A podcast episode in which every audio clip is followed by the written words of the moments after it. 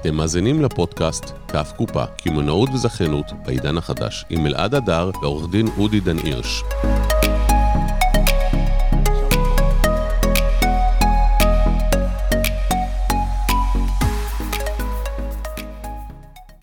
טוב, אז בוקר טוב למאור, לגבע, לפינקי, לאוריאל, לאיליה, לכל מי שאיתנו ולכל מי שאמר לנו שלא שומעים. מזל שאני ואתה ריכלנו פה ודיברנו וקשקשנו, ועכשיו אנחנו הולכים לדבר תכלס. על מה אנחנו הולכים לדבר היום?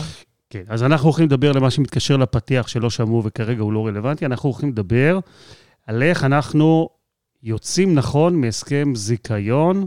אפשר לצאת מהסכם זיכיון? אפשר לצאת מכל הסכם. נתחיל בזה ככותרת. זו תשובה של עורך דין קלאסית. זו לא תשובה של עורך דין, זו תשובה של מציאות. זו תשובה של מציאות, אלעד. השאלה איך יוצאים מהסכם. ובאיזה מחיר.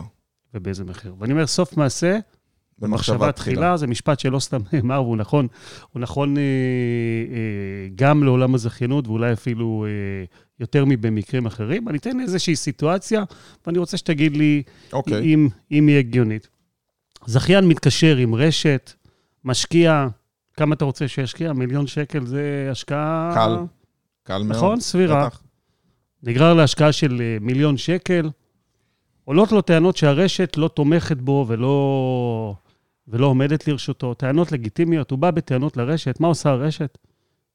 לרוב? לא נעים לה שבאים אליה בטענות, נכון? היא גם לא נכון. מודה שהיא לא בסדר. אני לא מכיר רשתות שאומרות, אנחנו לא בסדר.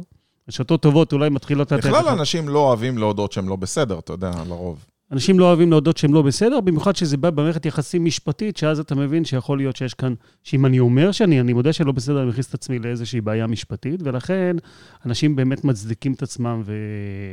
ולפעמים גם אין יכולת אמיתית לבוא ולתת את התמיכה שהזכיין מצפה, תכף אנחנו נדבר על חוסר תיאום הציפיות, ואז באה הרשת ואומרת לעצמה, מה?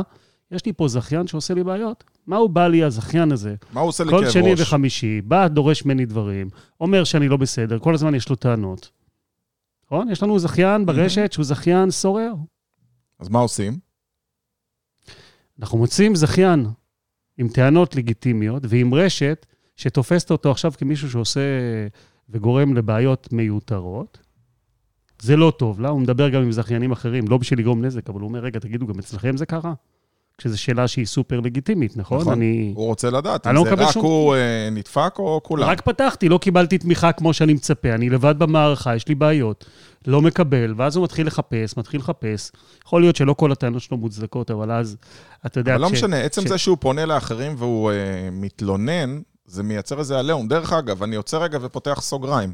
האם רשת יכולה מבחינה חוזית או מבחינה אחרת, למנוע מבן אדם אחד לדבר על התנאים המסחרים שלו עם מישהו אחר. הרי כשאני יושב, אתה יודע איך זה, עזוב, אודי, תעשה את זה רק לי, זה בינינו, לא נספר לאף אחד, נו, פה תוריד לי, זה זה. ואז מגיע המצב שביום הראשון שהוא כועס עליך, הוא הולך להשוות תנאים עם כל השאר, ובעצם מייצר לך מהפכה. האם אני, אמת, משפטית, אמת. כשאני מחתים בן אדם על הסכם, אני יכול למנוע ממנו מלדבר עם אחרים, ולו בגלל שזה לשון הרע, הפרה של תנאים מסחרים או כל אה, אופציה אחרת? קודם כל, אני יכול למנוע, אני יכול להחתים זכיין על הסכם סודיות, ולבקש שלא, אה, שלא יגלה את התנאים. התנאים הם לא תנאים זהים לכל זכיין ברשת, אנחנו לא... אה, אין פה תנאים אחידים. וזה לגיטימי, רשת מנסה לשמר מדיניות, ולעיתים היא סוטה ממדיניות ויכולה לעשות את זה באמת באיזשהו סייד לטר, מסמך אה, נפרד, לא להסכם, ולהגיד לזכיין, זה תנאים ייחודיים לך. אני בדרך כלל, כשאני מייעץ לרשתות, אני אומר לרשתות, תמצאו את ההצדקה. תגידו, זה זכיין ראשון של הרשת, אלה שלושה זכיינים ראשונים של הרשת, הלכתי לקראת.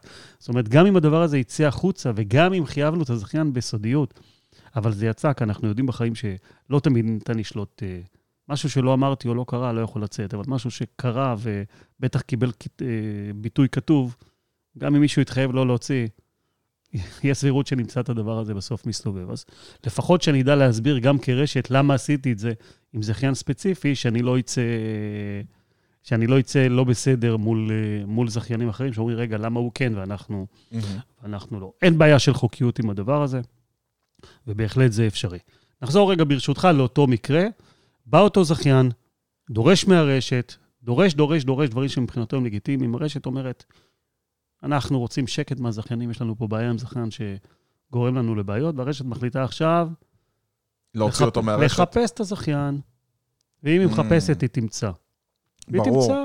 העובד לא כן. היה לבוש, לא פתחת בשעה הנכונה, אתה לא מקפיד על זה, אתה לא מקפיד על זה, וקל מאוד למצוא הפרות. קל מאוד למצוא הפרות, להתחיל לעגן אותן בכתב, והופ, אנחנו שולחים מכתב ביטול לזכיין, אומרים לו, אדון זכיין, התרענו והתרענו והתרענו, לא והנה- תיקנת, לא תיקנת, והנה ההסכם שלך מבוטל. מה אתה אומר על התרחיש הזה? השקיע מיליון שקל, שזה קודם חצי שנה כל, לפני. קודם כל נורא. בחור רציני, קם בבוקר, עובד. אדוני ישמור. מה כתב עושים? ביטול. רצים בפאניקה לעורך דין. נשאל אותו מה המשמעות. אני, השאלה אם אפשר למנוע את זה מראש. טוב, אז אנחנו עכשיו באמת, כל השידור הזה, אה, הולכים לדבר על הנושא הזה, שהוא נושא סופר סופר סופר חשוב, ובשביל לדבר על הנושא אנחנו צריכים להתחיל קודם כל בלהבין איך, אה, איך החוק עובד בישראל והפסיקה, ומה מה קורה כאן אה, ביחס גם למדינות אה, נאורות אחרות. אז בישראל, לעומת מדינות אחרות בעולם, כמו לדוגמה ארצות הברית, אה, אין חקיקה ספציפית. אין חקיקה שמדברת על עולם הזכיינות. מה המשמעות שאין חקיקה ספציפית? יש חוקים אחרים שחלים, כמו, אה, אה, כמו הגבלים עסקיים, אוקיי? שנדבר עליהם, שצריכים לשמור על תחרות הוגנת, הסדרים כובלים וכן הלאה, זה נושא סופר חשוב. יש חוקים שמגיעים מעולמות של החוזים, יש חוקים שמגיעים מעולמות של הנזיקין, יש תכולות של חוקים על מערכות יחסים שכאלו, אבל אין חקיקה ספציפית. זה אומר שבין מזכה לבין זכיין נקבע הסכם שלא מבוסס על חוק שאומר מה צריך ומה לא צריך שיהיה בתוך ההסכמים.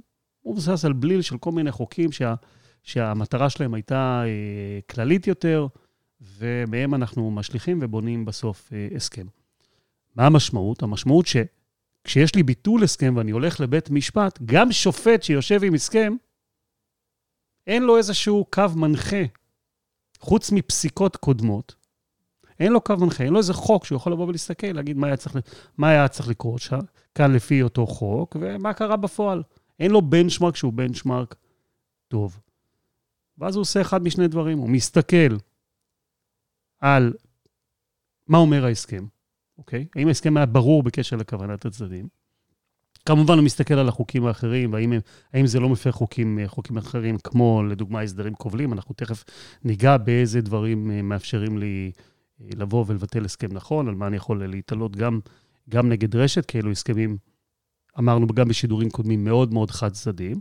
אבל אותו שופט הולך ונשען על פסיקות של בית משפט קודמות, בשביל לראות מה נקבע שם, אם יש איזושהי פסיקה מחייבת.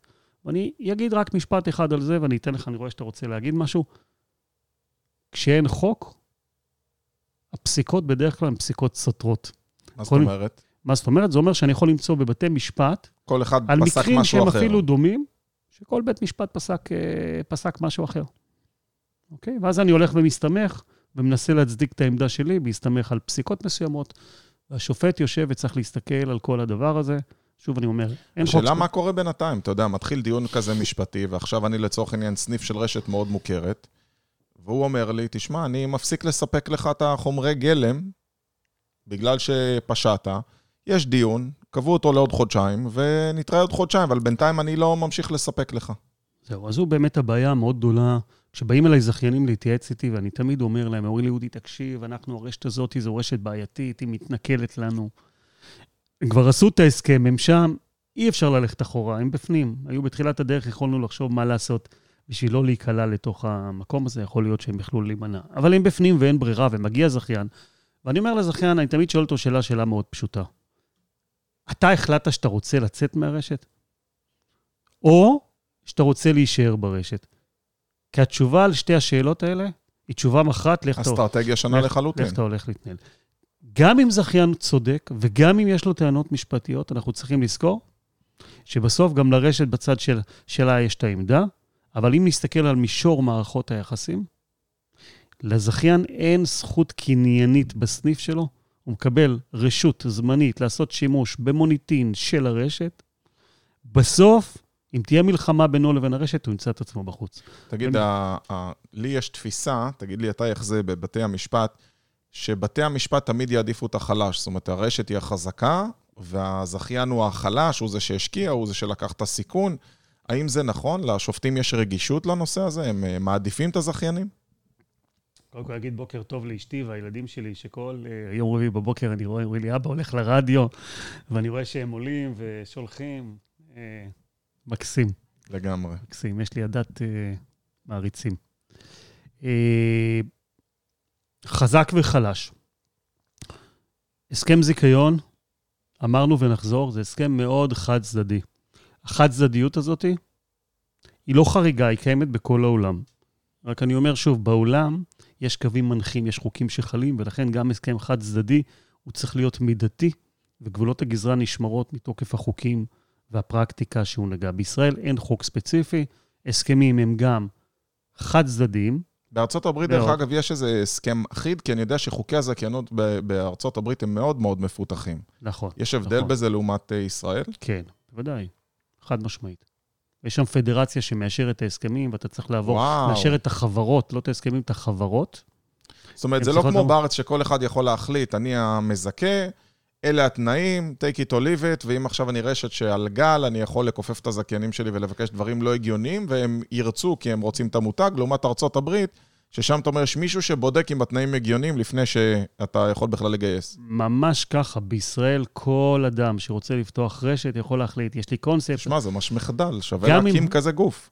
שווה להקים, והיו ניסיונות, ניס- ניסיונות לחוקק חוקים ולקבוע קוד, אה, קוד אתי. גדעון, עורך דין גדעון פישר, ביחד עם המרכז לקידום, לקידום זכיינות, קבעו קוד אתי, אתי בזמנו, שלצערי לא אומץ באופן, אה, באופן כולל, זו הייתה התחלה טובה. מהמם. יש גם את סטיבן אה, וולפסון מ-IFI, שמנסה לדחוף כל הזמן לחקיקה, ועוד הרבה, הרבה אחרים, העמיתים נראה של... לי זה פשוט לא אינטרס של מספיק אנשים, אה, כמו כל דבר בישראל.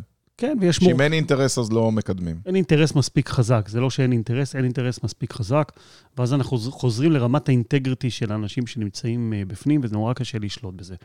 אני חוזר רגע להסכמים. ההסכמים הם באמת מאוד מאוד מאוד חד-צדדיים. אני אומר לזכיין שמגיע אליי, כשאתה פוגש הסכם של רשת והוא חד-צדדי, אין בזה בהכרח דבר רע. אין בזה דבר רע, לא בעולם, ה... לא בעולם השיווקי ולא בעולם המהותי. כשאני אומר עולם שיווקי, אני אומר, אולי שיווקי זה לא המילה הנכונה, אני אומר רשת שיוצרת הסכם. אם למקדונלדס לא היה הסכם שהוא הסכם דרקוני, לא היית יכול, לראות, לא היית יכול להיכנס לסניף של מקדונלד בישראל שיהיה ולקבל, אותו סטנדרט בכל סניף. שיהיה לך את אותו סטנדרט מדויק, ושהצ'יפס יוגש לך ברמת פריחות מסוימת, בתוך איקס זמן מסוים, בלי חריגות מהדבר הזה. מה שמאפשר את זה, זה מתודולוגיות שנבנו במשך השנים, שהבסיס, הסכמים מאוד נוקשים, הרשתות נכון. חייבות לאכוף את זה, אין מה לעשות. אתה רוצה סטנדרט מסוים. ואתה רוצה, ולכן זה גם טוב לזכיין. אני אומר לזכיין, כשיש רשת שדורשת סטנדרט גבוה, אמנם היא דורשת את זה גם ממך, אבל היא דורשת את זה מזכיינים אחרים, זה אומר שגם בסניפים האחרים כשייכנסו, הם שומרים על המוניטין שלך. שומרים על המתאים. כי אם לקוח ייכנס לסניף אחר והחוויה הייתה לא טובה, באופן ישיר זה פוגע גם, גם בך, הוא אומר, זה רשת לא טובה, ופעם הבאה שהוא רואה את הסניף שלך, הוא שוקל פעמיים אם, אם להיכנס. אז האינטרס שלי כזכיין, שרשת תבוא עם דרישות שהן דרישות מחמירות, עם זה אין שום, שום בעיה.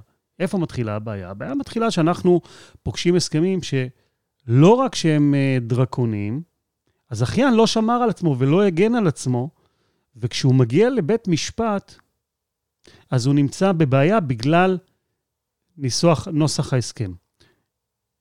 זה נכון שבבית משפט הרשת נתפסת כחזקה והזכיין, אה, סליחה, הזכיין נתפס כחזק יותר מה, מהרשת, בגלל שהוא בא כעמדה, שהוא שהוא האנדרדוג.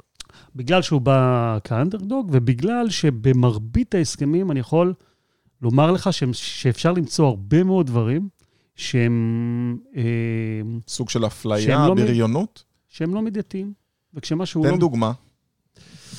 אני אתן דוגמה קודם כל, אה, קודם כל פשוטה, ונדבר אולי על הדוגמה דרך מה הייתי מצפה שיהיה בהסכם. אם אני אקח זכיין ואני ארצה לתת לו עצה- טובה, וככה אני עובד כעורך דין, כשאני אגיע להסכם, אני אשתדל שלא יהיו דברים שמאפשרים, לדוגמה, ביטול ההסכם על דברים כלליים. כמו לדוגמה, אין לי בעיה שיירשם שאם הזכיין הפר הפרה יסודית, שניתנה התראה בגינה, הרשת תוכל, אה, לא שילם כסף בזמן, נתנו לו התראה, לא הסדיר את התשלום, תשמע, זה יורד לשורשי ההסכם, הוא צריך לשלם uh, בזמן. תוציא רגע עיתות קורונה ודברים. לא שילם פעם אחת, לא שילם פעמיים, לא שילם שלוש פעמים. התריעו, התריעו, התריעו, ביטלו לו הסכם, הוא לא היה בסדר, הוא צריך להבין איפה האחריות שלו. מצד שני, יש רשתות שרושמות באחד מסעיפי הביטול, אה, עיבוד אמון ב...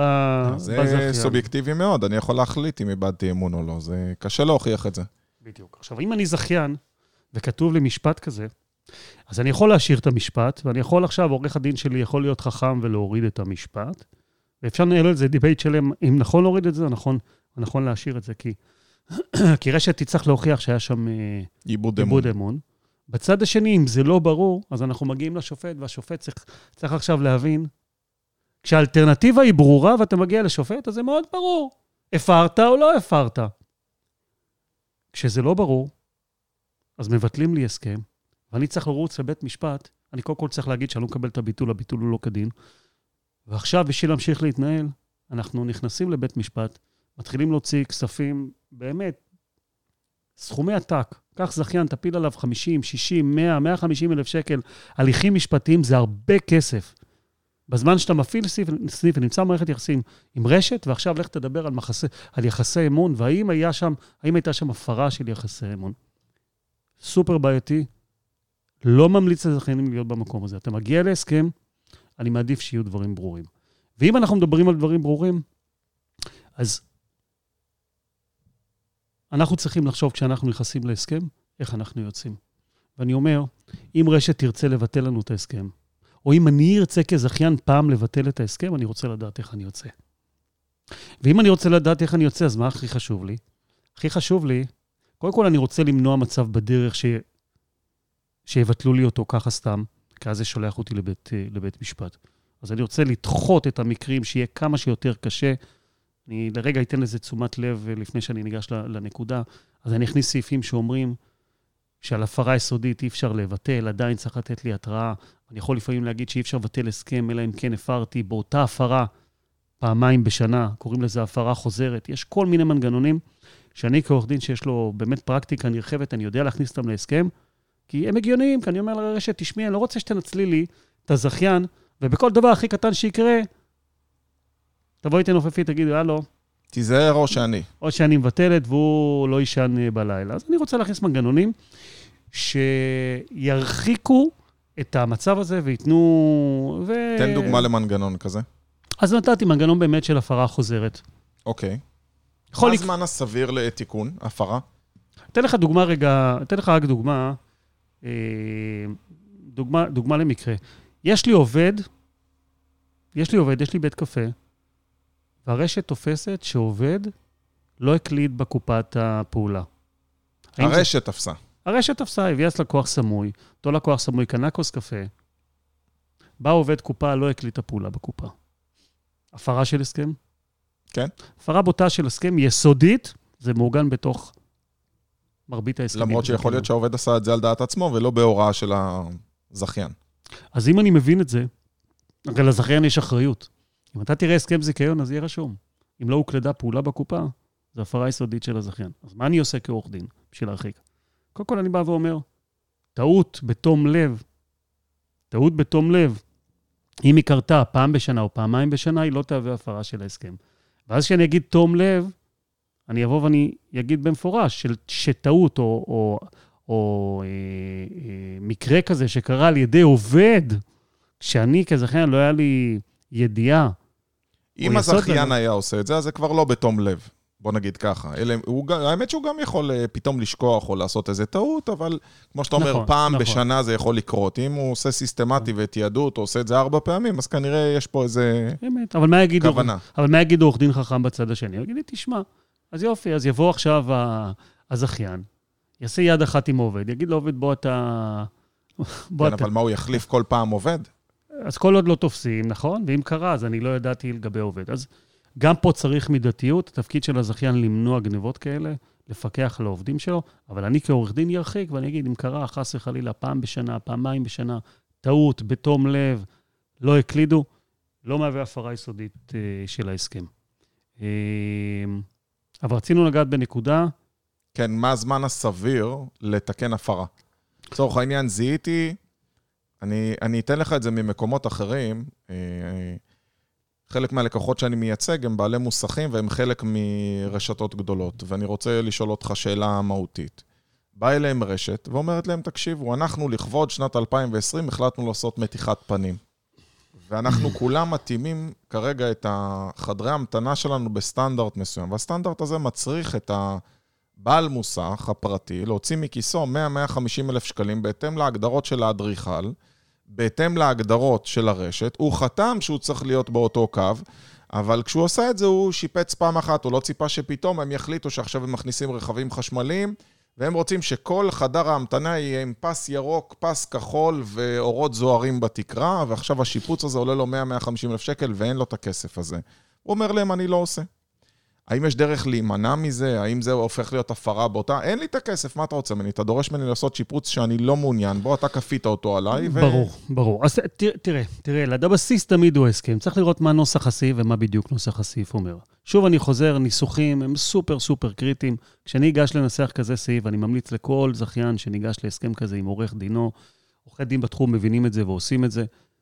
סעיף כזה סעיף, סעיף משמעותי. אז אני אקבע, נגיד, שאם מבקשים ממני שיפוץ, זה יהיה שיפוץ קוסמטי, אחת לכמה זמן, ואני אגביל אותו בסכום. ואם רוצים שיפוץ מהותי, אז גם אותו, אני אגיד, שיפוץ מהותי יעשה, יעשה מקסימום... אחת לעשר שנים, אחת ועד ל... סכום של. ועד, ועד סכום אה, של, וגם אני אוסיף סעיף ואני אגיד, זה רק בתנאי שזה חל על כלל זכייני הרשת, שלא יבואו mm. באופן סלקטיבי, יגידו לי, בוא אתה תשפץ. יש סעיפים כלליים שאומרים שאני כזכיין צריך לשמור על הסניף ברמה טובה, לתחזק אותו, ושם באה האחריות שלי באמת תמיד... אה, אתה יודע, תמיד לחדש סחורה ולדאוג שהקירות ייראו טוב, שאלה דברים שקורים אה, כל הזמן במיינטננס הכללי. אבל אה, שוב, זה, אלה דוגמאות מאוד מאוד טובות, כי ההסכמים מאוד אה, נכתבים על ידי עורך דין של רשת, ואם אין בצד השני עורך דין שיודע לאזן, יש המון שאלות של זכיינים, אני באמת חייב להגיד את זה לזכיינים בינינו שמקשיבים, שהרבה פעמים אתה בא, באים אליי זכיינים ושואלים אותי, אודי, תגיד לי, אפשר בכלל לתקן את ההסכם הזה? אפשר לתקן את ההסכם הזה? אני חושב שכל עוד יש תקשורת, תמיד אפשר. אני רוצה לשאול אותך שאלה, הזכרת לי בנושא המוסכים. אחד מהלקוחות שנזעקתי לטפל בו, זה מישהו שהייתה לו בעיה שהרשת המזכה החליטה שהיא רוצה לשלול ממנו את הזיכיון, והיא עשתה את זה בכוונת זדון כל כך נוראית, שמה שהם עשו, אף על פי שהוא השקיע 4 מיליון שקלים בשיפוץ של המקום שלו, זה מוסך, זה השקעות מאוד מאוד גדולות, הוא עבר למקום חדש. הם החליטו שהם לוקחים את זה, והוא לא הבין למה הם מערימים קשיים, עד שהוא הבין שהם קנו בעצמם, הרשת המזכה קנתה מוסך 300-400 מטר ממנו של מישהו אחר, היא מסבה אותו כרגע אליהם, והם החליטו לשלול ולהעביר אותו לשם. לא די בכך, אלא מה שהם עשו, הם הוציאו עליו פשקווילים בעיתון, עמודים שלמים, ובהם הם כתבו, מוסך ביפ ביפ, כרגע כבר לא נמצא בחסות הרשת, ואנחנו מזהירים את קהל הצרכנים לא ללכת אליו כי הוא יותר לא מייצג את היבואן הרשמי, מוסך היבואן הרשמי עבר לכתובת הזו והזו. עכשיו, אפילו לפי חוקי התחבורה, אתה יכול לתקן את הרכב שלך באיזה מוסך שאתה רוצה, כל עוד הוא מוסך מורשה, האחריות נשמרת. אבל למה שקרה, יצאו בפרסום שלילי כנגד אותו מוסך, בהודעה כביכול צרכנית תמימה. תקשיבו, אנחנו רק מיידעים אתכם שמוסך היבואן הזה כבר איננו מוסך יבואן, הוא לא נתמך על ידי הרשת. מוסך היבואן עבר להיות המוסך הזה. מה עושים במצב כזה? זה, זה הרגיש לנו כמו שוד לאור יום בלי מסכות. כן, כשאתה אומר שהבסיס היה הטענה שלהם להפרה של ההסכם. הם uh, טענו לה, להפרה עקרונית בהסכם, שההפרה העקרונית הייתה מצוצה מהאצבע. במקרה הספציפי הזה זה היה מוסך שהמיקום שלו היה ידוע הרבה זמן, והם החליטו שלאור התקנות של הרשת, הם הסתכלו בחוזה והכניסה למוסך היא לא מתאימה לתקנות שלהם, כי זה מרחוב צדדי במקום מרחוב ראשי, והם החליטו עכשיו לבטל להם את ההסכם. כן, אז תראה, קודם כל, קודם כל יש כל מיני דרכים להתמודד. אני לא מכיר את ההסכם, לא מכיר את הנסיבות לעומק, אבל אני אדבר שוב בכללי עם התייחסות לנושא הספציפי הזה. כשיש, כשרשת שולחת ביטול הסכם, אנחנו מתחילים בהסכם שצריך להיות באמת, באמת טוב ונכון, אבל כשרשת שולחת ביטול הסכם, יש לי זכות. אם קיבלתם מכתב ביטול ואתם רוצים שהביטול לא ייכנס לתוקף, קודם כל תדחו את הביטול. שלחו מכתב, אמיתי. פשוט אתה אומר, אני לא מקבל את זה. אני לא מקבל את הביטול, אני דוחה את הביטול, מבחינתי ההסכם לא בוטל. ואז הרשת צריכה ללכת לבית משפט בשביל... אני חושב שזה אה, הטיפ הכי חשוב בשידור היום. בהחלט, זה טיפ נורא חשוב, מכתב ביטול כשלעצמו לא מבטל. הרשת טוענת לביטול, אני יכול לדחות שהביטול... בערך כמו שאשתי תגיד, אני רוצה להיפרד ממך, אני אומר לה, אני לא מקבל את זה. אני לא מקבל את זה, נכון? אנחנו כן. עדיין לא פרודים. בסדר, אפשר ללכת להתווכח על זה בבית משפט, אבל אם לא, אם שלחו לי מכתב ביטול ואני לא הגבתי, או חמור מכך, יש זכיינים ש...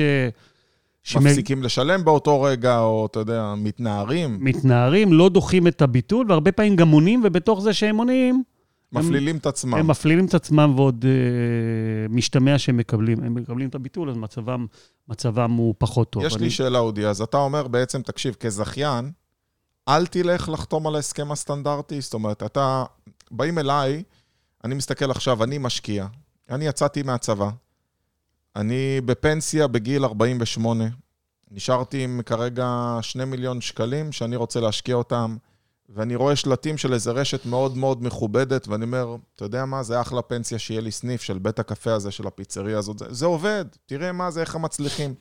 אני בא בצורה הכי רגועה ובטוחה, ואומר, שלום, אני רוצה להיות זכיין. ואני עד לא מזמן הייתי בצבא ואני רגיל לכללים, ובאה הרשת ואומרת, יש לנו פה הסכם, וזה הסכם סטנדרטי. זה הסכם, אם אתה רוצה, אלה הם התנאים. האם אתה אומר לי, קח עורך דין, אל תלך בשום אופן לבד, אפילו שהוא אומר לי, זה סטנדרטי, ואם אתה רוצה, אלה הם התנאים? אני אומר לכל זכיין שעומד בפני התקשרות כזאת שהיא מהותית, אתה לא יכול להרשות לעצמך לעשות הסכם כזה בלי עורך דין. לא רק עורך דין, עורך דין שמבין בזכיינות ויודע מה לדרוש ומכיר את הפרקטיקה הנהוגה. אנחנו קצת ניתן טוב וקרדיט לרשתות ולאנשים, אנחנו חוזרים לזה שאנחנו אנשים שמונעים מטוב, וכל השיח הזה הוא שיח ברור שלא על- כל על- הרשתות מחפשות אה, לדפוק את הזכיין ולהעניש אותו, אנחנו אמ- פה... אמ- אמת, בסופו של יום אף אחד לא, רשת לא קמה בבוקר ואומרת, אני הולכת להילחם בזכיינים, רשת, להפך, רשת uh, טובה ואיכותית, רוצה לגדול ורוצה שיהיה לה שקט מהגזרה, היא רוצה שהזר... שהזכיין ירוויח. הצלחה שלו זה הצלחה שלה. זה בימים טובים, זה בעיתות כתיקונם. uh, כתיקונם. אבל יש המון, uh, כמו שאמרנו, יש המון עיוותים. וכשאני נכנס לתוך uh, רשת, קודם כל אני צריך באמת לבחור אנשים שהם אנשים הגיוניים. שכשאני אפגש בבעיה, יהיה בצד השני מישהו שאפשר עוד לנהל איתו גם, גם פירוד. נכון? אמרנו מערכות יחסים, גם במערכת יחסים יש משפט שאומר שצריך לדעת גם איך נפרדים. שצריך... שבשביל להיפרד- נכון, צריך לדעת עם מי מתחתנים, אה, נכון? כן. או- אה, אז אותו דבר כאן, הכללים האלה. אם יש לי אורות אדומים, אם הרשת היא רשת חדשה, ישבתי, לא התרשמתי מהבעלים, דברים לא הסתדרו לי, לא ראיתי שהם משקיעים בתשתית, לא דיברתי עם זכיינים, או שמעתי שזכיינים לא מרוצים, אורות אדומים, אורות אדומים, אני אומר, הייתי עוצר, אני לא צריך להיות שפן, אה, שפן נישואים. אבל אם עברתי הכל והתקשרתי עם רשת, אני יוצא מנקודת הנחה ש, שבימים כתיקונם הכל צריך להיות בסדר. אני חוזר לזה שהבסיס הוא בסיס הסכמי, כי בסוף ההסכם הזה מגיע לסיום. ואם אנחנו רוצים לתת טיפ שהוא טיפ חשוב, ואמרנו שלוקחים מעורך דין, אז מה חשוב לי כש, כשאני, כשאני, כשאני מסיים הסכם? חשוב לי למנוע מצב שבו מבטלים לי פתאום את ההסכם, ואז לוקחים אותי לבית משפט. וחשוב לי לא פחות, לעגן את הזכות שלי למכור את הסניף, למכור את הסניף, שעמלתי, בניתי, השקעת בו. השקעתי בו. וכשאני נפרד מהרשת, יש לי עכשיו יכולת לממש. שזה נכס שהוא שלך בעצם. הוא נכס שהוא שלי, נכון, הוא ניתן לי לזמן מוגבל, אבל יש לי זכות חוזית למכור אותו, ומרבית הסעיפים בהסכמים האלה שמדברים על מכירה הם מאוד מצומצמים. אה, הם מתחילים מסעיפים שאומרים, אתה לא רשאי למכור, דרך אתה רשאי למכור רק באישור הרשת, שהיא תוכל לסרב מכל סיבה, אוקיי? אלה סעיפים לא טובים. דרך סעיפים שאומרים, אתה יכול למכור, לרשת יש זכות סירוב ראשונה, ואז בזכות סירוב יש לה תנאים עדיפים, וזה תנאים שבהם אתה פוגש יחסית מעט כסף, אז אתה לא יכול לממש את ה... אודי, מה, הערך מה עם. הסעיף הזה שאומר, הרשת מרשה לך למכור למי שהיא מאשרת, ואז לצורך העניין, היא יכולה לסרב לכולם. כן, אנחנו אה, מכירים את הסעיפים האלה, זה כמו בין שותפים. אני אומר, אין בעיה, אני מוכן שיהיה לך אפשרות למכור את חלקך, בתנאי שאני אאשר את השותף. ואז קל לי מאוד, אני לא מאשר אף שותף, עד שאתה רוצה לפרוש ולתת לי את זה בנזיד עדשים, ואני אמכור למי שאני רוצה. תראה, זה נכון, אלעד, אי אפשר למנוע מרשת, גם אם אתה היית רשת, לא היית מוכן שיבוא זכיין היום ויגיד לך, שלום רשת, בואו תכירו את אז הזכיין. איך מגדירים את זה? בואו תגדירו את הזכיין צד שלישי, עד חמישה אנשים אתה יכול לפסול לי? איך... איך לא, אה, ר- רשתות לא יסכימו, ובצדק, לבוא ולהגביל את זה, ועד אה, מספר. רשת רוצה להכניס זכיין שהוא זכיין רציני, ושוב, במרבית המקרים, אם זכיין לא רוצה להיות, או אם חס וחלילה יש סכסוך, הרשת רוצה זכיין דם בריא ברשת, ולכן היא כן תרצה לאשר. עכשיו, אנחנו רואים מקרים, אנחנו רואים שרשתות לא, לא מאשרות, והרבה פעמים אנחנו נכנסים למבחן שהוא מבחן סבירות. האם זה סביר לא לאשר? האם זה סביר? האם סביר שאם אני הצלחתי למכור לזכיין את הסניף שלי במחיר כפול ממה שהרשת חושבת שהוא שווה, האם על הבסיס הזה הרשת יכולה להגיד לא? כי אומרת, הנה, הזכיין פה עכשיו, נקרא לזה רגע, תופר זכיין אחר, נכון? הצליח להגיד לו. כן? בוא, במקום אה, 500 אלף שקל, בוא תשלם לי מיליון שקל. הזכיין השני לא דרך ש... אגב, יכול להיות שהוא לקח את הסניף, הוא פיתח אותו, ולסניף יש כרגע מוניטין ולקוחות, הוא קנה את זה חדש לחלוטין, הוא בנה את ה-client base שלו, והוא כרגע רוצה למכור את זה. זה אפשרי? אני אומר שיש קונה מרצון ומוכר מרצון, ועם אנשים רציניים, הרשת לא צריכה להתערב בכמה מוכרים את זה, זה עסקה ביניהם. כמו שאף אחד לא יתערב כשהיא תרצה למכור בכמה היא תמכור, ואם תרצה להנפיק, היא תנפיק. זכיין לא יכול להתערב ולהגיד לה... טוב, רשת- אודי, אתה יודע מה אני למדתי בסופו של דבר מהשידור הזה? שעדיף ללכת עם עורך דין. תראה, אנחנו לא, אנחנו לא רוצים להפחיד את האנשים. אני חושב שבחיים אנחנו צריכים יועצים טובים. כשאנחנו לוקחים יועצים טובים, הבסיס של הבסיס של הבסיס נעשה כמו שצריך. בסוף עסק צריך להצליח. אני ההסכם- אומר שהסכם טוב זה הסכם שלא צריך לראות אותו ולא צריך לדבר עליו. אתה יודע שעשית אותו והוא שוכב באיזה מגירה. ואני אוסיף לזה עוד, עוד משפט אחד משלים, שאתה גם תאמץ אותו. הסכם טוב זה הסכם שלא צריך לראות אותו והוא נמצא במגירה, אבל כשהוצאתי אותו, אז אני אומר, איזה עורך דין חכם היה לי, שחשב על המנגנונים האלה עוד מבוא- לפני. עוד, עוד לפני. ורק אז, אנחנו לא יכולים לדעת. בבחירה אנחנו לא יכולים לדעת את מי לקחנו. אנחנו יכולים לשמוע המלצות. אנחנו בסוף, רק כשאנחנו שולפים הסכם, אנחנו יכולים לדעת אם העבודה שנעשתה הייתה מספיק טובה, אם היא התייחסה וכיסתה את מה שהיה. חשוב בזמן אמת. טוב, אודי, אני מודה לך מאוד. אודי דן הירש, קו קופה, כל יום רביעי, שמונה בבוקר, אנחנו נתראה בתוכנית הבאה. שיהיה לכם המשך שלי. יום אה, נפלא. ביי ביי. נפלא.